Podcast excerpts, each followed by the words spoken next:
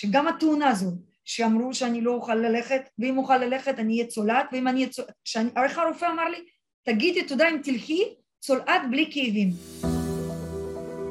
היי, שמי רונן דוידוב, ברוכים הבאים לתוכנית שלי להתאמן על החיים. תוכנית שבה אני אציג לכם את האנשים, הסיפורים והתובנות שיעזור לכם לנקוט בפעולות ולהגשים חלומות. השליחות שלי היא לעורר באנשים השראה ומוטיבציה ולתת כלים לפיתוח הרגלי חיים שמייצרים הצלחה והגשמה עצמית. נמצאת איתי דניאל וובסון, עורך דין במקצוע של האימא, הספורטאית, מטפסת ההרים הראשונה, הישראלית הראשונה והיחידה שהגיעה לפסגת האברסט. אז ההובי הכי גדול שלה זה טיפוס הרים, טיפסה בעשור האחרון על עשרות הרים מגוונים ומיוחדים, חלקם אולי אפילו יותר קשים מהאברסט, כי כנראה, מסתבר שיש כזה דבר, ודניאל, תודה רבה רבה ש, שמצאת את הזמן שלך, אני יודע שאת אישה סופר עסוקה, וזה כבוד גדול לקבל ממך השראה. אז באמת תודה שאת כאן איתי, איתנו, עם כל המאזינים והצופים.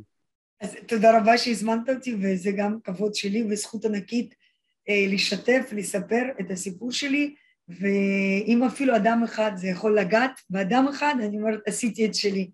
וכיף, כיף גדול, ואנחנו נשוחח על כל יאללה. דבר.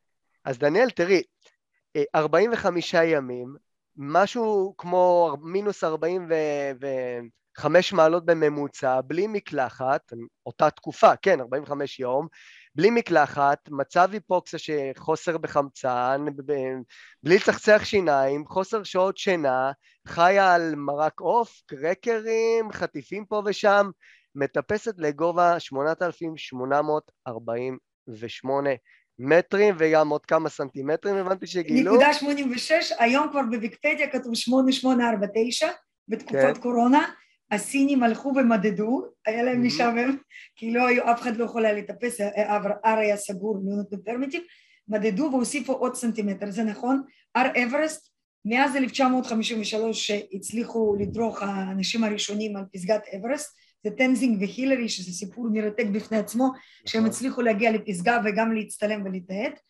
אה, ההר גדל, אמנם לא, לא, לא בהרבה, אבל כל פעם עוד נוסף כמה סנטימטרים, והר גדל. אז בזמנו אפילו דיברו שהוא היה 8840, והיום זה כבר 8849. אז הר גדל, אבל זה כל כך לא משמעותי, או שכן משמעותי, אבל, אבל זה סיפור אחר. כי כן, זה... אמרת 45 ימים, זה, רגע, אני אדייק, 45 ימים היינו בבייסקאמפ. המסע mm. היה סך הכל בברוטו 56 ימים. אם אני מדברת איתך מתל אביב עד תל אביב, מבן גוריון עד בן גוריון, 50, אה, סליחה, אפילו 56 ימים, אפילו קצת יותר, כי הסגר בקטמנדו עד שהצלחתי להגיע, והמסע היה ארוך, היה מתיש, והגדרת את זה נכון, ללא מקלחת, ללא אוכל, אוכל טוב, אוכל מזין, בגבהים שהם כבר אה, גבהים מסוכנים לגוף האדם, שאדם mm-hmm. לא חי בגבהים האלה, mm-hmm. ובסופו של דבר יש נגד עיניי, ואני אדבר על, ה, על אני עצמי, כמובן אפשר גם לדבר על חברי, חברי משלחת, נגד עיניי עומד היעד שהתכוננתי עליו, וכמו שאמרת, בעשר שנים האחרונות כן התכוננתי, עשיתי ערים, טיפסתי ערים, אפילו ערים קצת יותר קשים, אבל לא ערים שכרכו במסע כל כך ארוך, במסע של חודשיים להיות על ההר. ואברסט הוא לא ההר הכי קשה, זה נכון, לא ההר טכני הכי קשה, אבל זה ההר הכי גבוה, והר הכי ממושך, ממושך מבחינת הזמן שצריך לטפס אותו, כן. ושם הקושי המנטלי גובר על הקושי הפיזי. זה... וזה, וזה מה שאפשר לדבר, כי הדבר היחידי שהחזיק אותי זה הרוח והמוטיבציה והרצון פנימי להגיע לפסגת אברסט ולהיות האישה הישראלית הראשונה.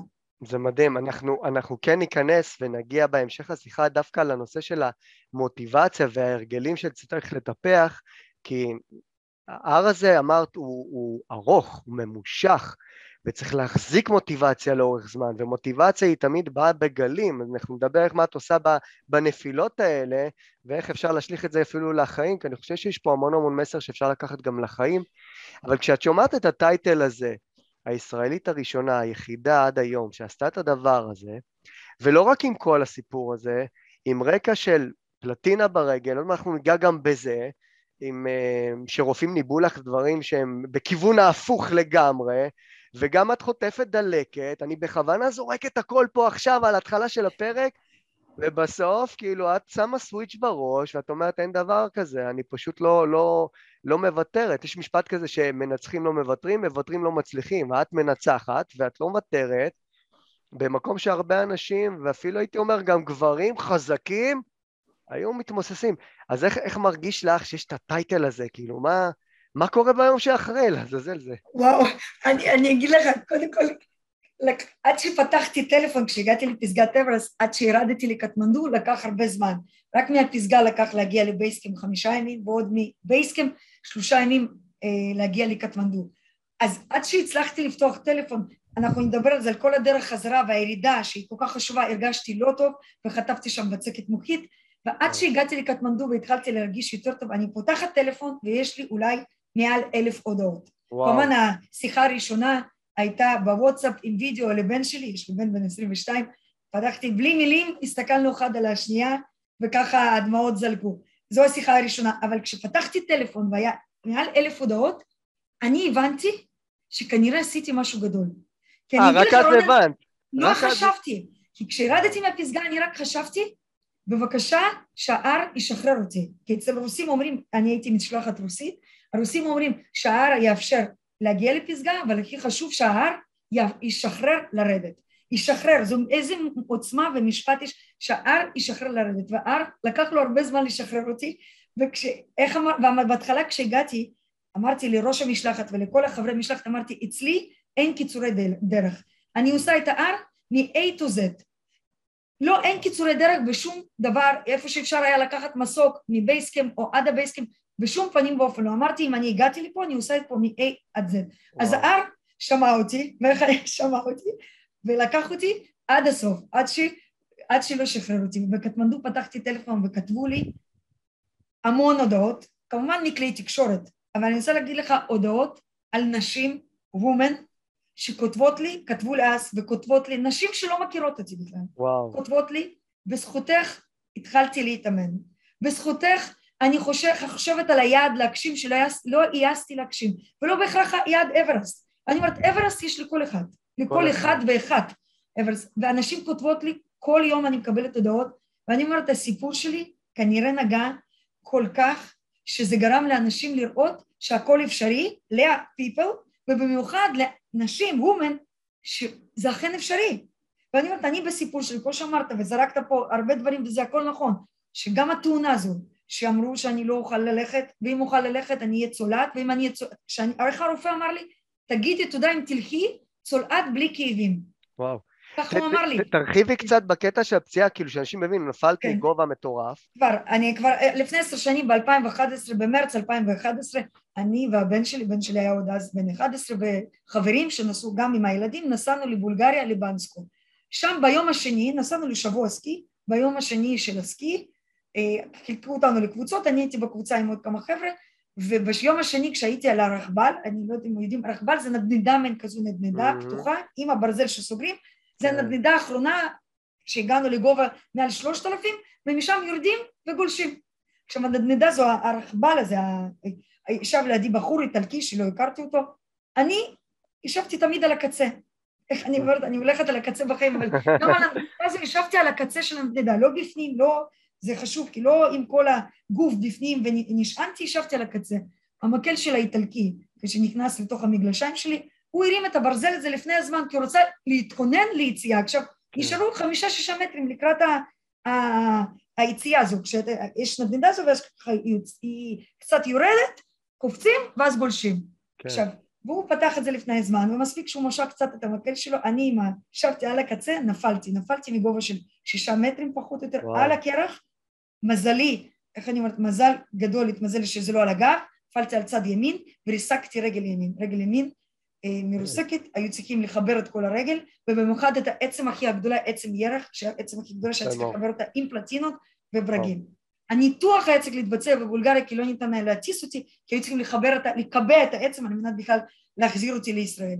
וככה הניתוח שם בוצע, ושם שכבתי בבית חולים, ואם מדברים מאיפה הדבר הזה נוצץ, לא ידעתי כלום על אברסט, לא טיפסתי הרים, לא ידעתי מה זה הרים, לא יצאתי לטרקים, הייתי עושה ספורט, שיחקתי טניס, שחיתי כילדה, אחרי זה המשכתי, כל הזמן עשיתי ספורט, ולא שום ספורט אתגרי, רק ספורט לצורך הבריאות, וכי כן. חלק מהחיים, אבל לא ספורט מטורף, חוגים שהייתי הולכת לעשות, ואז שם בבית חולים עוד הייתי בבנסקו, סליחה, בסופיה, בבולגריה, בסופיה שהביאו אותי לבית חולים, אמרתי לעצמי, אתה שוכב שם, אין לך שום, לא, לקחו אותי מאתר סקי בלי פספורט, בלי טלפון, בלי שום דבר, אני לבד שם, שוכבת, זוכרת זה היה בקומה תשע, רק המנקה הייתה מגיעה לנקות חלונות וזה הכל, וכל הזמן היו שמים לי מורפיום, אחרי ניתוח כי כאב לי, ואמרתי לעצמי, אני עוד אראה לכולם, אני עוד אגיע לפסגת אברסט. עכשיו לא ידעתי כלום, כלום, אני מתביישת היום להגיד שאני מכירה כל אבן, לא ידעתי מה גובהו של ההר הזה.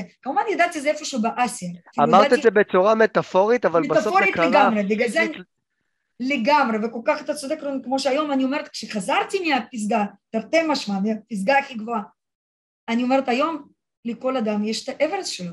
שם. אני לא יודעת, אבל אמרתי, אני חייבת את האברסט שלי, להאחז בזה, להאחז בזה. היית צריכה לשים סיכה כן, כזאת כן. גדולה, יש איזה משפט, תכוון לירח, מקסימום דיפול על כוכב. את שמת סיכה כזאת גבוהה, שהיה לך, היכולת שלך להסתכל קדימה, ולא, אוי, מה קרה לי, ופלטינות, כלומר, אתה תסתכלת כבר קדימה, כאילו, מחוץ למסגרת של שיקום בכלל, שזה...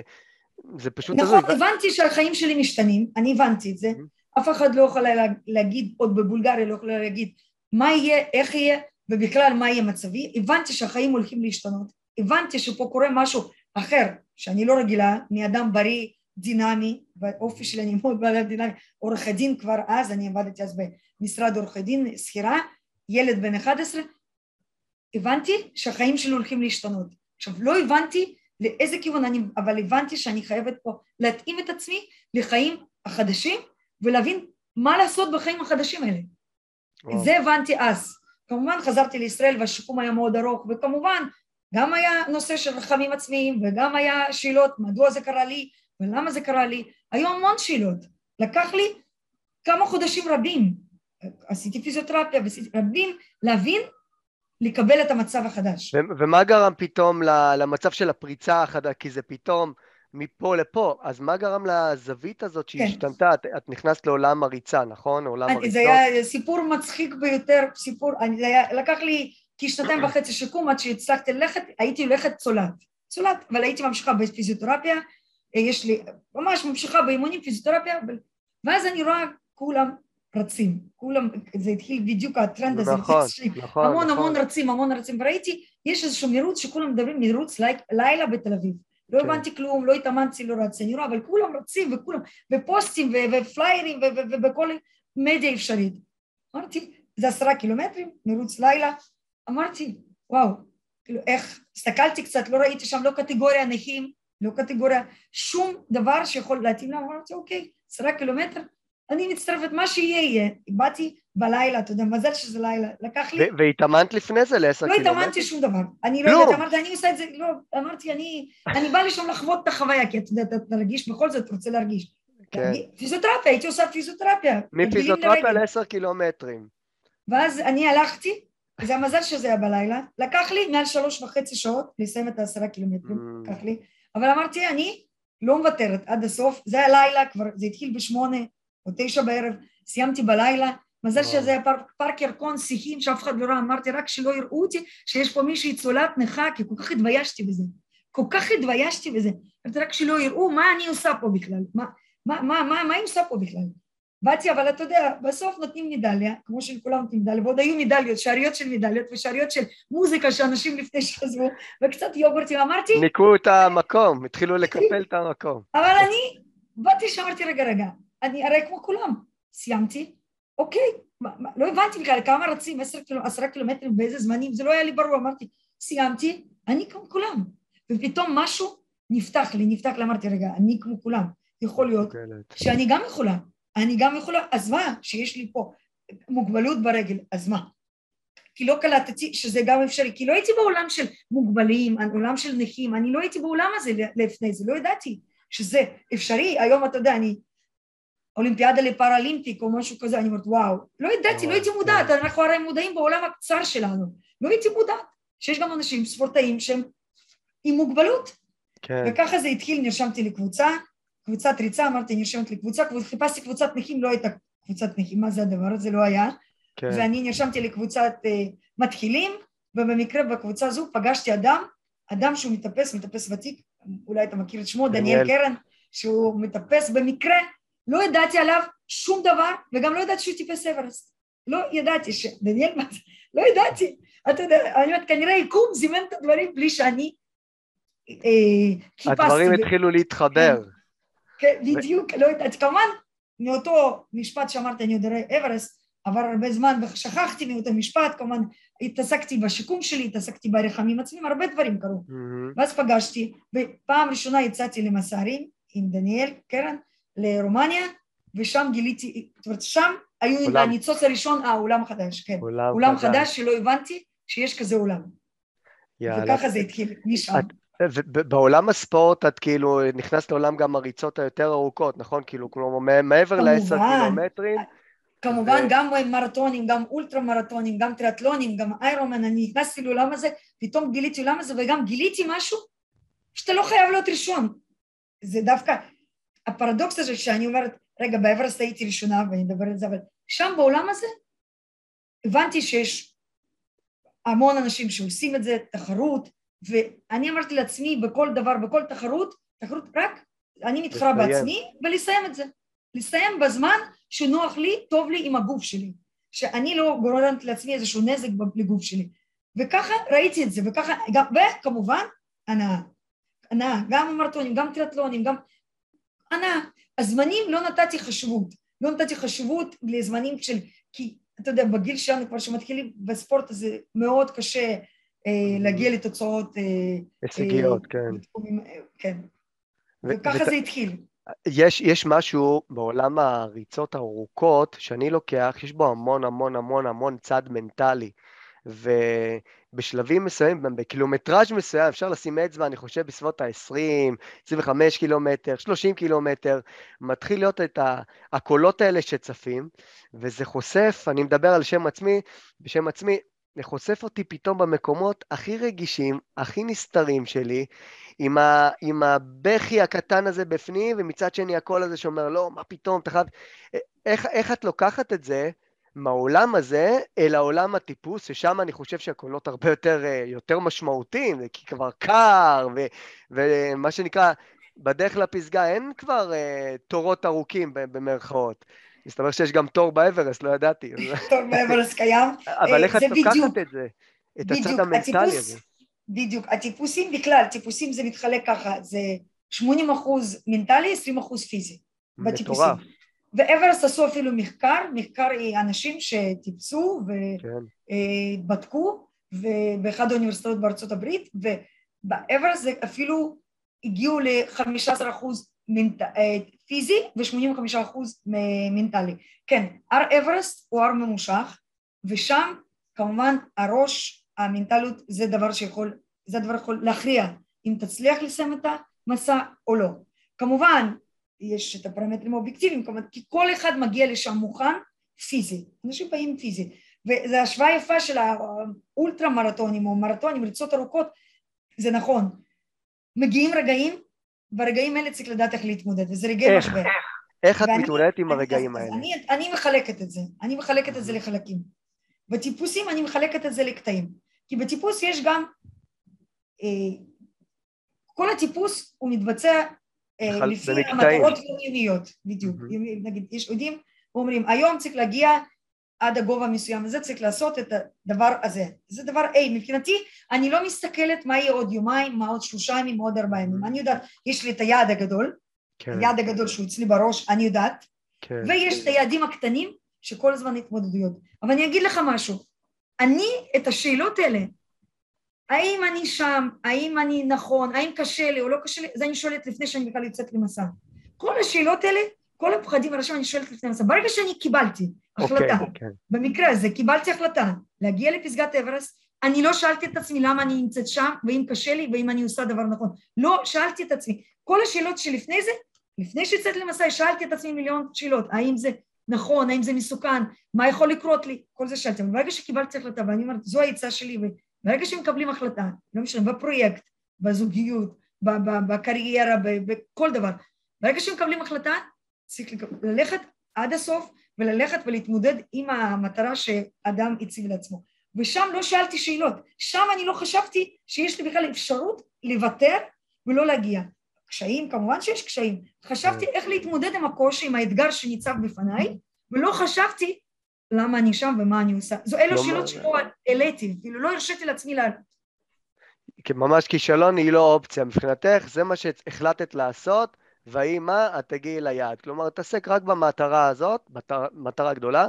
אני תמיד אומר לאנשים, שימו מטרה גדולה שאפילו תפחיד אתכם ותרגש אתכם, שיהיה עשר פרפרים בבטן, נכון. וגם אין לכם מושג איך להשיג אותה, אתם תמצאו את הדרך. אבל אל תסתכלו יותר מדי על המטרה הגדולה, כי מה שקורה, אנשים שמסתכלים על המטרה הגבוהה, הגדולה, יש לנו, אה, הצורך ההישרדותי שלנו, התגובה ההישרדותית זה או לקפוא, תרתי משמע לקפוא, או לברוח, או להתמודד. אז נכון. הרעיון הוא בעצם לשים מטרה, להסתכל עליה, אבל לא להתמקד בה, להסתכל על הדרך, על, ה, על עשרה מטרים הקרובים, על היעד הקרוב, על ה base camp הקרוב לצורך העניין, על הקילומטר הבא, על נקודת שתייה הבאה, לפרויקט הבא. וזה, וזה מה שחשוב, בעצם להתמקד ביעד, במהלך הדרך, להתמקד ביעדים הקטנים. בסוף מגיעים אל המטרה. בדיוק לגמרי הגדרת, ובכלל, לשים אם רוצים משהו, לחשוב על משהו, לא משנה אם זה ירידה במשקל, אם זה להצליח במרתון, אם זה, אם זה להצליח בכל תחום, לשים את המטרה, לכתוב אותה, ואז ממנה לרדת, לרדת, לרדת ולעשות תוכנית פעולה, תוכנית עבודה. מעבר לזה מאוד ברור, יש תוכנית פעולה ששם יודעים בדיוק מה עושים כל יום ומה המטרה לכל יום ולכל לג. אני רק רוצה להסביר, אברסט בהגה האלפיניסטית אומרים Mm-hmm. על מנת להגיע לפסגת אברסט צריך לתפור את הר אברסט. מה זה אומר לתפור? Mm-hmm. שאתה עושה, עולה, יורד. עולה, mm-hmm. יורד. עולה, יורד. ואז תחשוב מנטלי, שאתה מתקדם קדימה, ואז אתה צריך לחזור אחורה.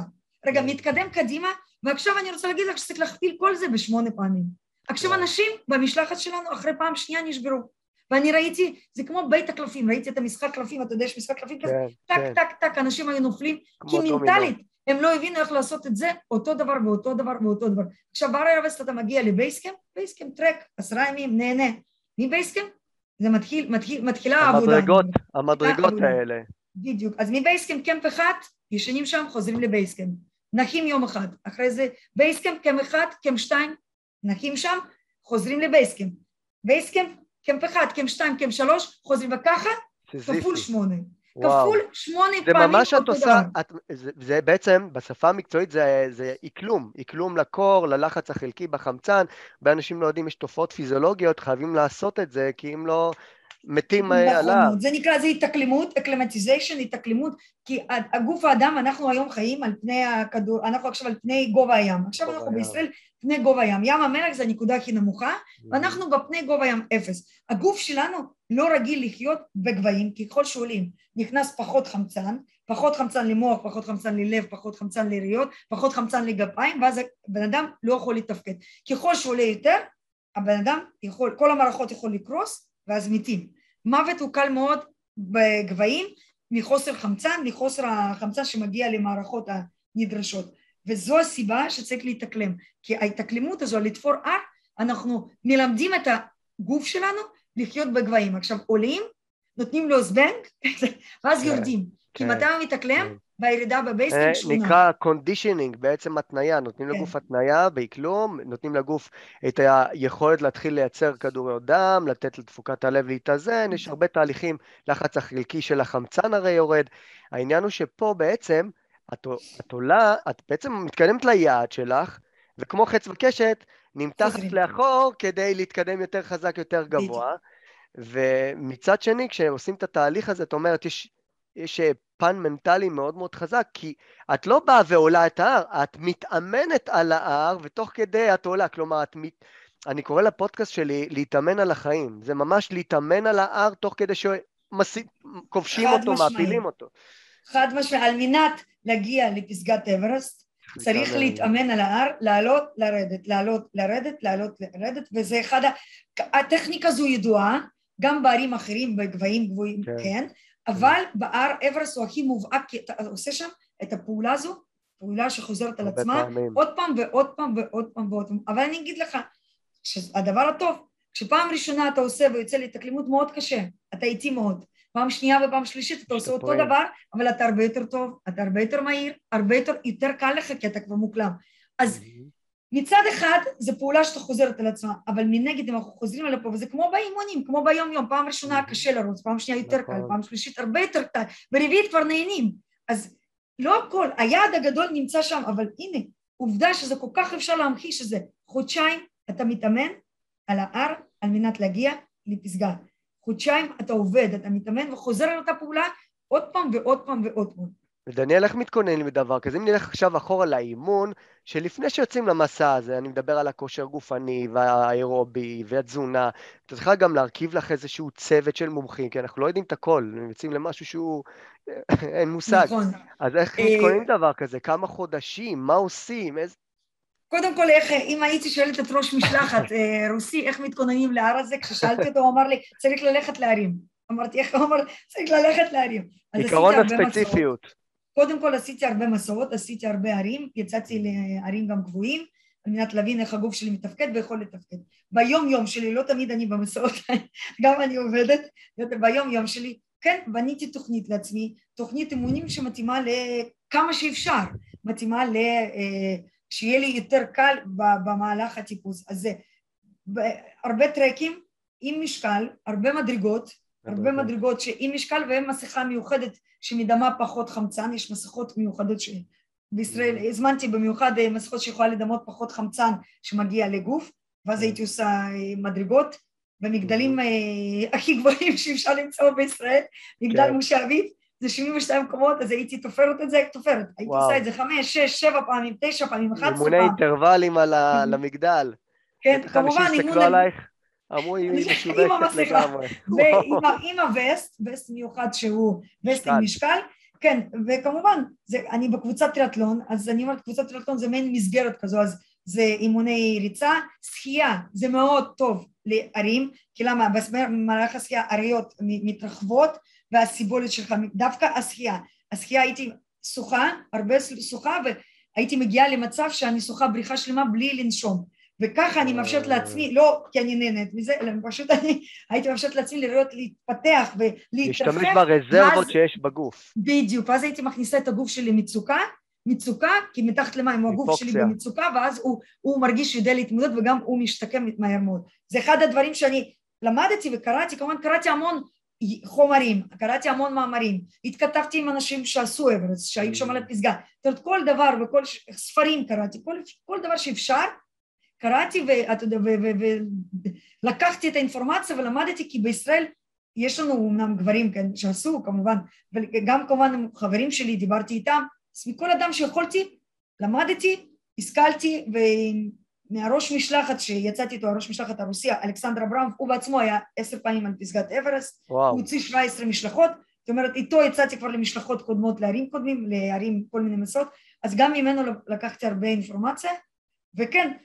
בשנה האחרונה, דווקא שנת קורונה, התאמנתי, אתה יודע, הכי הרבה שאפשר, כי אי אפשר לצאת, אבל אפשר לעשות במגדל מדרגות, אני גרה גם במגדל, אז הייתי פשוט עושה מדרגות, מדרגות, מדרגות, או שהייתי עושה מוצא איזושהי גבעה והייתי עושה גבעה וחוזרת על הגבעה הזו עשרים פעם, שלושים פעם, ארבעים פעם, זה מונוטוני, נכון? זה אבל זה מה שעובד בהר אברסט. אני אשאל אותך שאלה שאני חושב שהיא יכולה לעניין הרבה אנשים שמתחילים להתאמן, וניקח את זה גם לאנשים שאחרי תקופה ממושכת שמים להם פתאום את המרתון הראשון, יש הרבה לבד גם, נכון?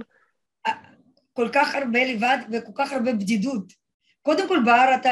אין מישהו שיגיד לך, קומי, את עולה לאברסט עוד כמה חודשים, אין, כאילו זה את, זה, זה כאילו... לגמרי, לבד, ומאוד קשה גם למצוא חברים לפעילות הזו ספציפית, כי אין מישהו שעוד התאמן איתי לאברסט, זאת אומרת מאוד כן. קשה, זה אומר צריך לקחת את עצמי ולהתאמן. ואיך את עושה את זה? ו... כן, ורק ש... רק ש... כן, אני גם לא אוהבת לקום בבוקר מוקדם, ומאוד קשה לי לקום בבוקר מוקדם. עזבי, אני לא מאמין לחצי מהדברים שאת אומרת, אני, זה... אני, אני כל כך קשה לי לקום בבוקר מוקדם, ואני אוהבת גם ביום שבת, כל היום שבת לי, לראות את הבין של סדרות לעשות, או לא לעשות כלום, ולהיות בצורה, אתה יודע, בצורה של לא לעשות כלום.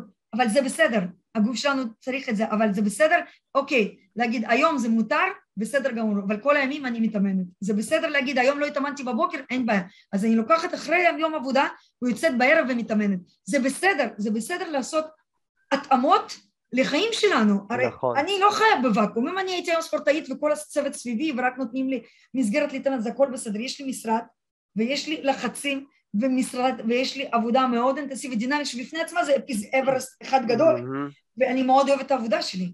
עכשיו הדיסוננס הזה, וגם תבין, אני עצמאית, אז אני, אין לי שעות עבודה, זה אני צריכה לעבוד גם 10, 12, 24, 7, בדיוק.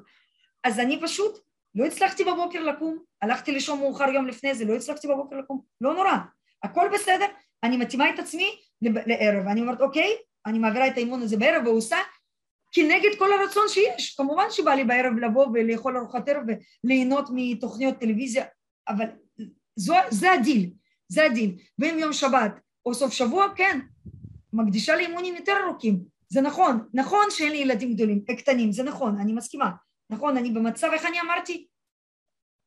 אני הרבה עשיתי ראיונות עם עצמי, באוורסט, ראיונות עם עצמי, עם הסלפי, הייתי עושה וידאו, כן, כי כן. רציתי לתעד את הרגעים דווקא שם. ואז אמרתי לה, כתבתי באחד ה... בווידאו, בתיעודים, אמרתי, אני חושבת שאני האישה היחידה שיכולתי לעשות את זה, ולא ממקום של השוויץ, לא. ממקום הזה שהנסיבות החיים יכולים, נסיבות יכולות לאפשר לי, כי מה, אין לי ילד קטן, יש לי ילד כן, גדול, שהוא באמת כן, עצמאי.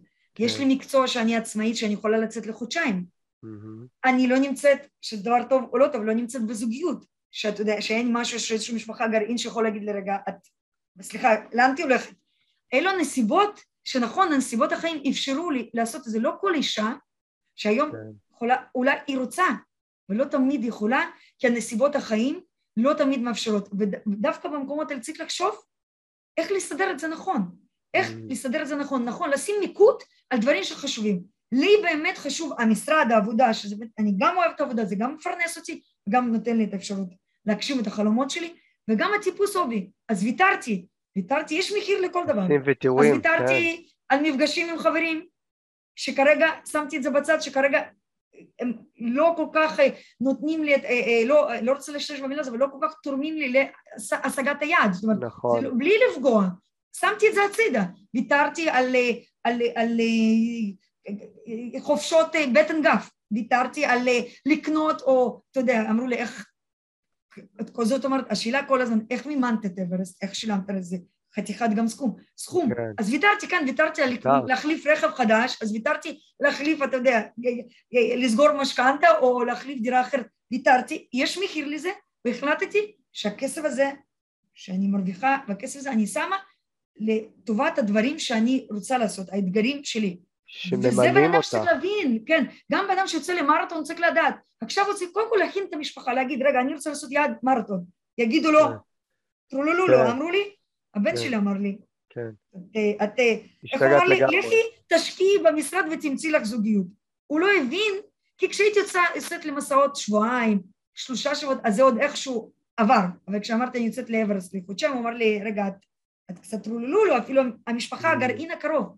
אז קודם כל צריך להכין את המשפחה ולהגיד, אני רוצה לעשות, אני רוצה לעשות. עכשיו, אתם אוהבים את זה או לא אוהבים, זה לא כרגע, אני לא שואל. אני רוצה לעשות, רוצה לעשות, לרוץ מרתון. עכשיו, איך אני עושה את זה בלי לפגוע במשפחה?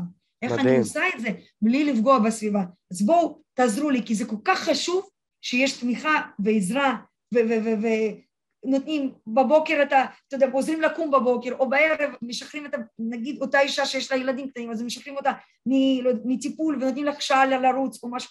זה כל כך חשוב, זה כל כך חשוב להגיד ולהסביר, וצריך כמובן לרצות את זה. אותו אדם, אותה אישה או גבר צריכים לרצות את זה. לדעת שיש מחיר ולרצות. אנשים צריכים להבין, אני חושב ככה, שהם צריכים לדעת לשים את עצמם קודם כל במקום הראשון, כי הרבה פעמים אנשים נוטים, ובצורה מאוד מאוד חיובית, לדאוג לאחר, כי חינכו אותנו בגיל צעיר, נכון. תדאג לאחרים, אל תהיה סוציומט, אל תחשוב על עצמך, אבל, אבל רגע, אם אנחנו לא נדאג להובי שלנו, למה שמזין לנו את הנפש, אז אנחנו כל לא... הסביבה לא תהיה מאושרת. גם נמצא זוגיות, לא נהיה מאושרים. גם אם נכון. העסק יגדל, לא נכיר בזה. והרעיון לדעת גם, כמו שאמרתי עם האימונים, לדעת גם איפה לשחרר. כאילו, אם אני יודע שאני בדרך, ואני מתמיד, ואני עושה ויתורים, ופתאום בשבת בבוקר, וואלה, לא בא לי לקום, אני יודע שלא נורא, על כל, אנחנו אומרים בצבא, בכל שבת יש מוצאי שבת, אז אני אשלם נכון. בערב, אבל אני אשלם את, ה, את הכרטיס הזה שצריך לפדות, ואנשים חושבים שהרבה פעמים, אם הם יוותרו, טוב, הכל נהרס. לא, יש את גם את מחר. לגמרי לא, ואתה כל כך נכון, צריך לדעת, הכי חשוב לשחרר, וצריך לדעת, הכי חשוב לשחרר ולהגיד, אוקיי, לא בא לי היום, בסדר, היום לא בא לי, אני מקשיב לגוף, אז אני אעשה את זה מחר, או אני אעשה את זה בערב. וכן, לשתף את הסביבה, זה כל כך חשוב לשתף את הסביבה ולהגיד, זה עזרה, אני לא ידעתי, ופעם ראשונה גיליתי כמה הסביבה, ויש כוחות על, כשאני הייתי באברסט, המסע שלי יצא תקשורתי לפני שנסעתי, זה יצא תקשורתי, ומדינה, אני הרגשתי שמדינת ישראל שלמה עוקבת אחריי, כן. ונותנת לי כוחות על, ואני הרגשתי שזה פרויקט לאומי, שאני צריכה להגיע לפסגה ולהרים דגל ישראל כאישה, לא שביקשו ממני, לא שמישהו אמר בואי, את... אני הרגשתי מחויבות לקחת את האחריות הזאת כן, על עצמך, שהיא כן, מדהים. כן, הרגשתי את זה ככה, ואני חייבת לדבר על אגו, כי אתה אמרת לשים את עצמך ראשון, זה כל כך חשוב, ובערים, בערים זה כל כך מובהק, כולנו אגואיסטים. אני אומרת, אני, בערים זה כל כך מובהק ורואים את זה, אני אדם אגואיסטי, אני גם פעלתי מתוך אגו. היה לי אגו. שאלה לאן לוקים את האגו הזה. היה לי אגו להגיע ראשונה לפסגת אברס כאישה ישראלית. אני לא מתביישת בזה. וגם בחיי יום, אני במקום הראשון. כל עוד אני לא פוגעת בסביבה יפה, הקרובה. אבל הרצונות, כמו שאמרת, רונן, בדיוק ככה, הרצונות של אדם, צריך לשים את זה במקום הראשון. וכן, להרגיש שאתה רק נותן, נותן, נותן, ולא אכפת לך מעצמך, ואתה פוגע בגוף שלך, לפני הכל, בגוף שלך, במוח שלך, בעשייה שלך, זה לא נכון. אני אגיד לא את נכון. זה בעדינות. גם אם איש אישה קרייריסטית, אימא, כן, נשואה, כן, בעל, כן. אפשר לבוא ולהגיד, רגע, לבנות סדר יום נכון, לבנות סדר שבוע נכון, ולעשות את זה, ולשים את עצמה במקום הראשון. אני פוגש כל כך הרבה אנשים, אני בתור מאמן, אני עושה גם קבוצות, ו... והרבה פעמים כשאני מדבר עם בנות, נשים, שמתעניינות להתאמן, ואז עולה בשיחה, רגע, אבל אין לי זמן כי אני צריכה את הילדים לחוג, ורגע, בעלי צריך זה, והוא צריך זה, ואז פתאום אני מזהה שדווקא נשים שבאמת בגיל מסוים יש להם את הזמן, הן עדיין נשענות בזה שהן צריכות לדאוג לזה, להוא, לפה, לשם, ושמות את עצמן בסוף הרשימה, ואז מגיע גם גיל מסוים, מדבר בהיבט של בריאות ופעילות גופנית, שכבר הכל הופך להיות גם יותר קשה. ואני אומר, רגע, צריך להתחיל קודם כל בלתת לעצמי, לא ממקום אגואיסטי, ממקום שאם אני יותר חזק, חזקה, שלמה עם עצמי, אז אני אהיה אפקטיבית גם בעולמות האחרים שלי, ואנשים לא מקבלים את התובנה הזאת בזמן, וכשהם מקבלים אותה, זה, זה הרבה יותר כבד, יותר קשה כל הסיפור הזה. אז היום לא, זה לא בושה להיות במקום הראשון ולעשות את הדברים שאוהבים. היום זה בסדר להגיד את זה, להצהיר את זה ולעשות את זה. וכן, ולהיות ברורה עם עצמך, כן, להיות מעצמך, להיות ברורה ולהגיד, רגע, אני אוהבת ספורט, לא כולם אוהבים ספורט או לא כולם אוהבים, יש כאלה שאוהבות לאפות או לבשל או לכתוב דברים, רק להבין ולזהות מה עושה טוב. אני רוצה להחזיר אותך של... להר עכשיו, אבל כן. דיברת, דיברנו גם על, על, על הרבה על נשיות, על נשים, גברים, נשים, אה, תחום אה, אלפיניסטי, זה יותר תחום גברי, סליחה שאני זה, אבל זה הנתונים, נכון? אני עשיתי חישובים, קראתי קצת מידע, בזכותך למדתי תחום מרתק, אה, עשיתי חישוב באחוזים, פחות מ-15% אחוז טיפסו את ההר הזה, שזה הזוי. עכשיו, מצד שני, מהדעה, מהדעה הפרטית שלי, אני חושב שלאישה יש יכולות מנטליות הרבה יותר גבוהות. אז, אז איך זה מתבטא באמת על ההר? אז קודם כל זה נכון, תחום אלפיניסטי זה תחום שמזוהה עם תחום גברי.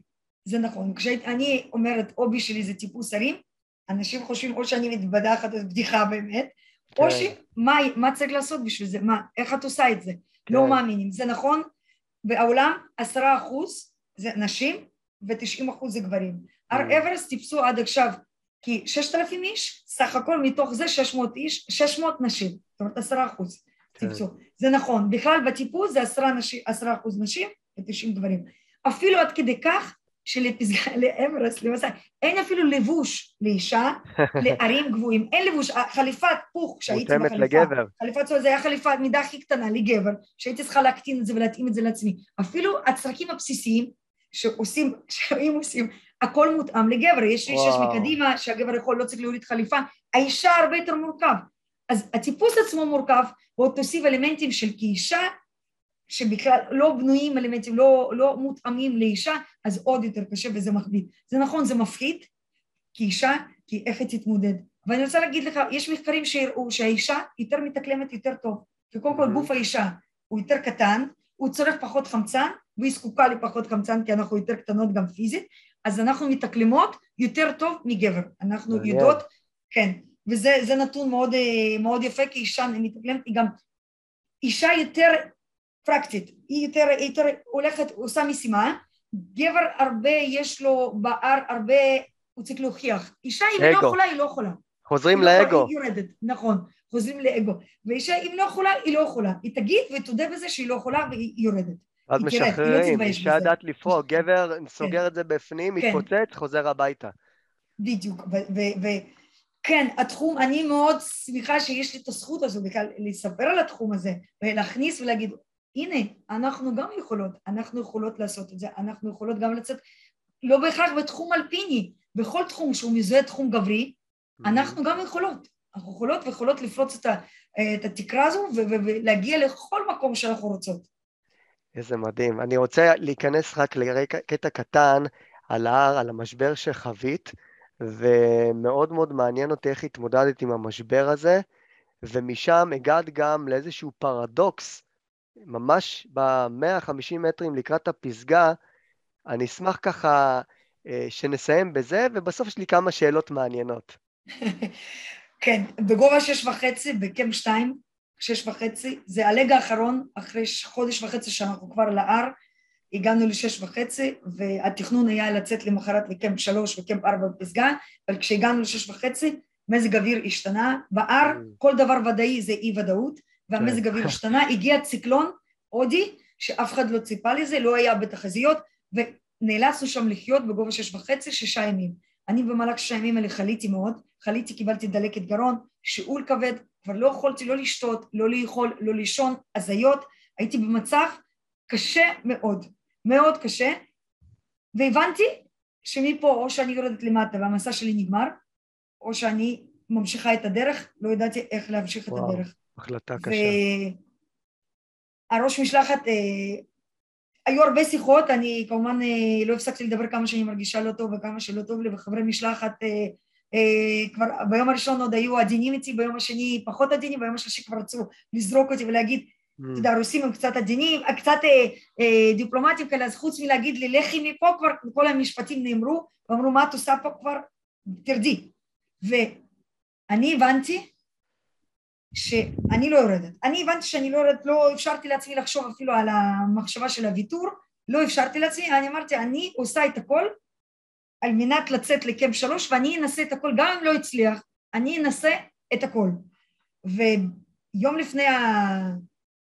שהוחלט ללכת, אחרי שישה ימים הוחלט ללכת לקמפ שלוש, להתקדם, כי הבינו שיש איזשהו חלון קטן של מזג אוויר שיכולים לנסות, אולי לצאת לפסגה, לנסות להפיל לפסגה, וראש המשלחת, היה לנו מכשיר לווייני אה, לקבוצה, שבכלל אסור היה להשתמש כי אין שם סוללות בטריות, כי שמרו על ה... אתה יודע, לא היה איך להטעין, שמרו את זה ממש רק למקרים, mm. מקרים חריגים. כן. ראש המשלחת, שהוא אמרתי לך שהוא היה כבר עשר פעמים על פסגת אברסט, הוציא המון משלחות, הוא אמר לי, תתקשרי לבן שלך. אמרתי לו, בשום פנים ואופן, כבר לא דיברתי עם אריאל, אריאל, אריאל, אני לא דיברתי איתו כבר חודש וחצי, רק בבייסקאמפ כשהייתה קליטה קצת אינטרנט התכתבנו, לא דיברתי איתו, אמרתי בשום פנים ואופן אני לא מתקשרת, הוא אמר לה אני מבקש ממך, לא, הוא אמר אפילו לא מבקש, אני עכשיו את מתקשרת לאריאל, אמרתי אני לא מתקשרת, הוא אמר עכשיו, שמה את הטלפון שלו במכשיר, ואני הייתה גם לא היה כל כך קליטה של כמה שניות, אריאל אמר לי, אמא, אני אוהב אותך, תעשי מה שאת צריכה לעשות ותחזרי מהר הביתה.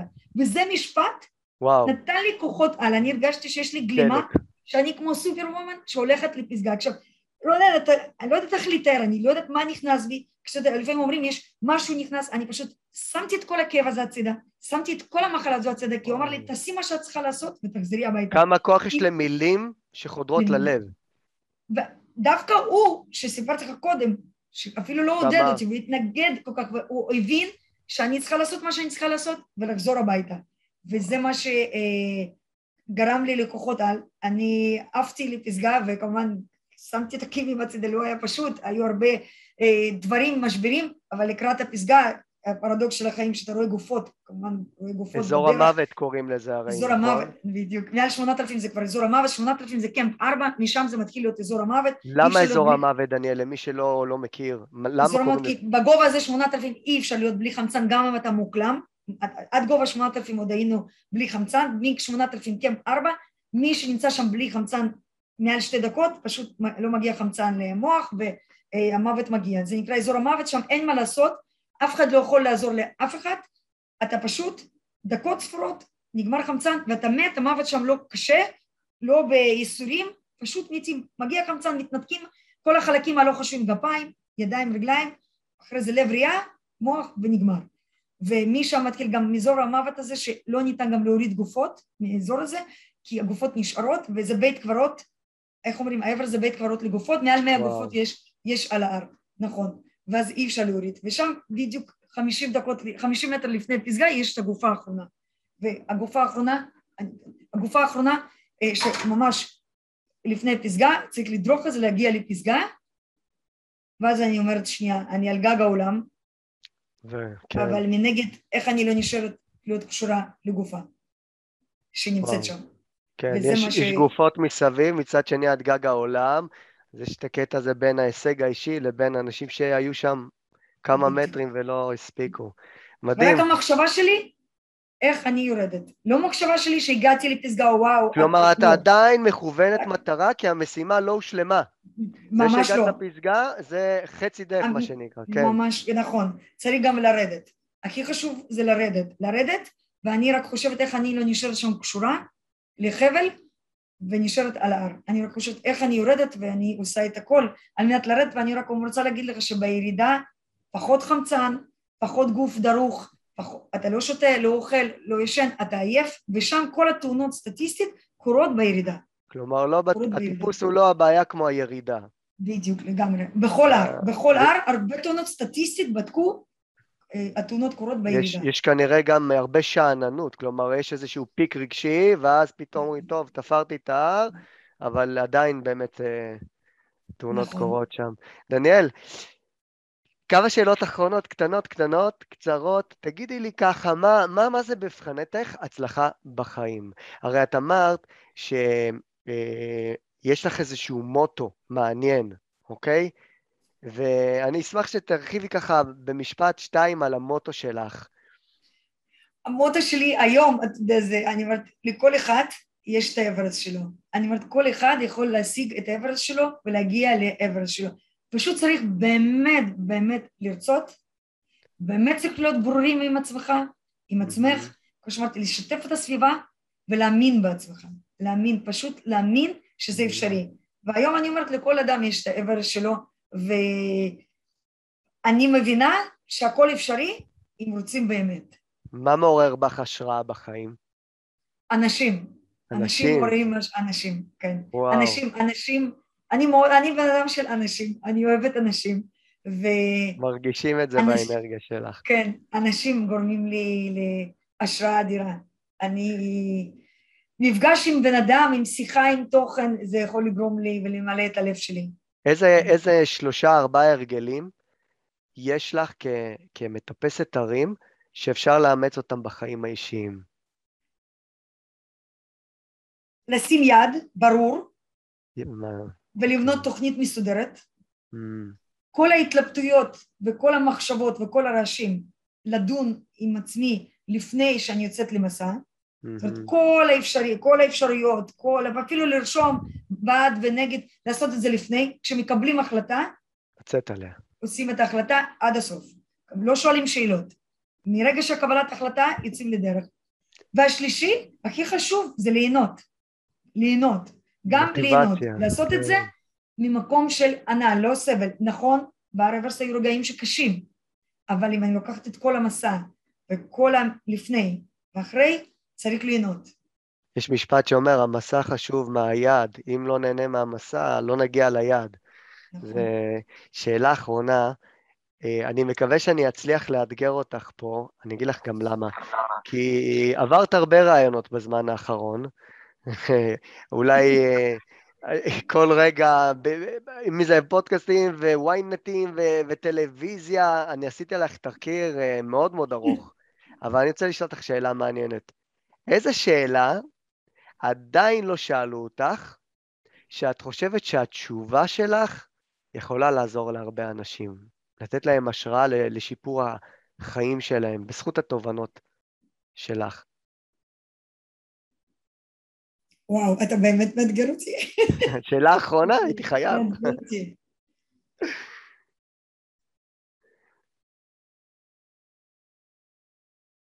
מה הטיפ שלך, מספר אחד, אם וואו. אני מחר בבוקר, אני אומר לך, תקשיבי, דניאל, יש לי את האברסט שלי בחיים, ולא משנה מהו, יש לי את האברסט שלי בחיים, זה יכול להיות בזוגיות, בקריירה, ב- ב- בספורט. מה הטיפ שלך שתגידי, רונן, תקשיב, קח את זה, אבל תתמיד בזה, אתה שם. אני, אתה יודע, אני, דיברת על מוטו, אתה יודע, לחיות את החיים, אני חיה את החיים. לחיות את הרגע. לחיות את הרגע, לחיות את החיים לגמרי. אבל אה, באמת מעניין אותי איזה שאלה לא שאלו, אולי שאלו אותי הרבה, הרבה אה, על מסעות שלי ועל התאונה, אולי לא שאלו אותי מי אני, מי אני... מי את? מי את? מי את, דניאל וולפסון. מי את? אני אעזור לך, כששאלו אותי הרבה פעמים מי אני, כן. אה, אני עונה תשובה הכי פשוטה אבל הכי אמיתית, אני עדיין לא יודע. כי החיים עצמם הם סוג של מסע, ואני כל פעם מגלה דברים חדשים. אומרים לי הרבה פעמים, אתה כל פעם ממציא את עצמך בכלל, שאתה, יש לך את הכותרות האלה שזה מי שאתה, מרצה, מאמן וזה. אני של אנשים, ומי אני באמת? אני חושב שאולי ביום האחרון אני אתן לזה משפט. אני מאמצת את התשובה שלך. לא יודעים. אני מאמצת את התשובה שלך, אני עדיין לא יודעת. אבל אני לגמרי יודעת שאני חי את החיים, ואני רוצה ומאחלת לכל אדם, כל אדם, פשוט לחיות את החיים. לחיות את החיים ולחוות את רגעי אושר ולשים יעדים, זה חשוב לשים יעדים, לחלום, mm. ולהעז להגשים אותם, להעז להגשים, ולכל אחד שיהיה את האברס שלו. איזה מדהימה, דניאל, תקשיבי, אני מרגיש שיכולתי לדבר איתך עוד שעות, ממש ככה. אני מאוד מעריך את הזמן שלך, זה לא מובן מאליו שעצרת, אנחנו כבר, אני חושב, 45 דקות בשיחה. אפשר ללמוד המון, יש לך אנרגיה מטורפת. מרגישים משהו, זה אמנם זום, ויש לך אנרגיה מטורפת ואת שובת לב, ופשוט אה, זכיתי, ואני חושב שמי שיקשיב לרעיון הזה, יקשיב לזה יותר מפעם אחת, כי יש פה המון תובנות לחיים. זה לא, זה לא ה... היעד המדהים שהשגת, זה הדרך לשם, זה ההחלטות בדרך, זה ההתמודדויות בדרך, זה ההסתכלות הפנימית, זה ההסתכלות החיצונית, אמרת סביבה, סביבה יותר חזקה מכל כוח רצון, ולפעמים הסביבה לא שם בשבילנו, אז אנחנו צריכים ללמד אותם, ואם לא הם, אז uh, לדעת, אוקיי, זה בסדר לימים מסוימים, נבנה סביבה חזקה, ולהתמודד עם החלומות שלנו, כי לפעמים הם מפחידים, אבל זה מה שעושה את החיים מעניינים. לגמרי. אני חושבת ששני דברים, אני, שני דברים בחיים שככה גם מינים אותי, ואני חושבת שזה תכונות, הנחישות וההתמדה. לא בהכרח כישרון, כי לא כולם נולדים עם כישרון ואני לא נולדתי מטפס תרים ואני גם לא נולדתי עורך הדין אבל נחישות והתמדה אני חושב זה שני דברים שאדם כל אדם וגם מהילד מהתינוק ומהעד המבוגר צריך לקחת את זה שתי תכונות שזה הם גם תכונות שאפשריות. אפשר לאמץ את התכונות האלה וכל דבר שתתמיד ותהיה נחוש תצליח. אין סיבה שלא תצליח. ואני אומר אין סיבה. ואני רוצה שכל אחד, אם שואלים איזה, לאמץ את התכונות האלה שיאמצו נחישות והתמדה.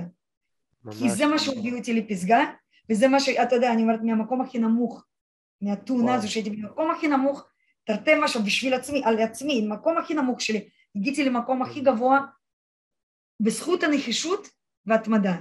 לא כישרון, לא ידע מוקדם, לא נולדתי למשפחה אלפיניסטים, לא, פשוט תכונות אלה, ואני רוצה שכל אחד יאמץ, דווקא בתחומים.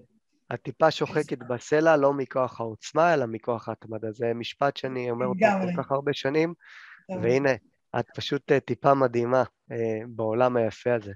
אז דניאל, תודה רבה רבה רבה. תודה, כיף גדול, תודה רבה, ואנחנו ניפגש. תודה שנשארתם עד כאן. אם אהבתם את הפרק, אתם מוזמנים להירשם לערוץ שלי ותישארו מעודכנים גם בפרקים הבאים. אתם מוזמנים לכתוב לי ממש כאן למטה בתגובות איזו תובנות קיבלתם, ואפילו לשתף חברים. עד כאן בתשוקה גדולה ובשליחות, רונן דוידוב.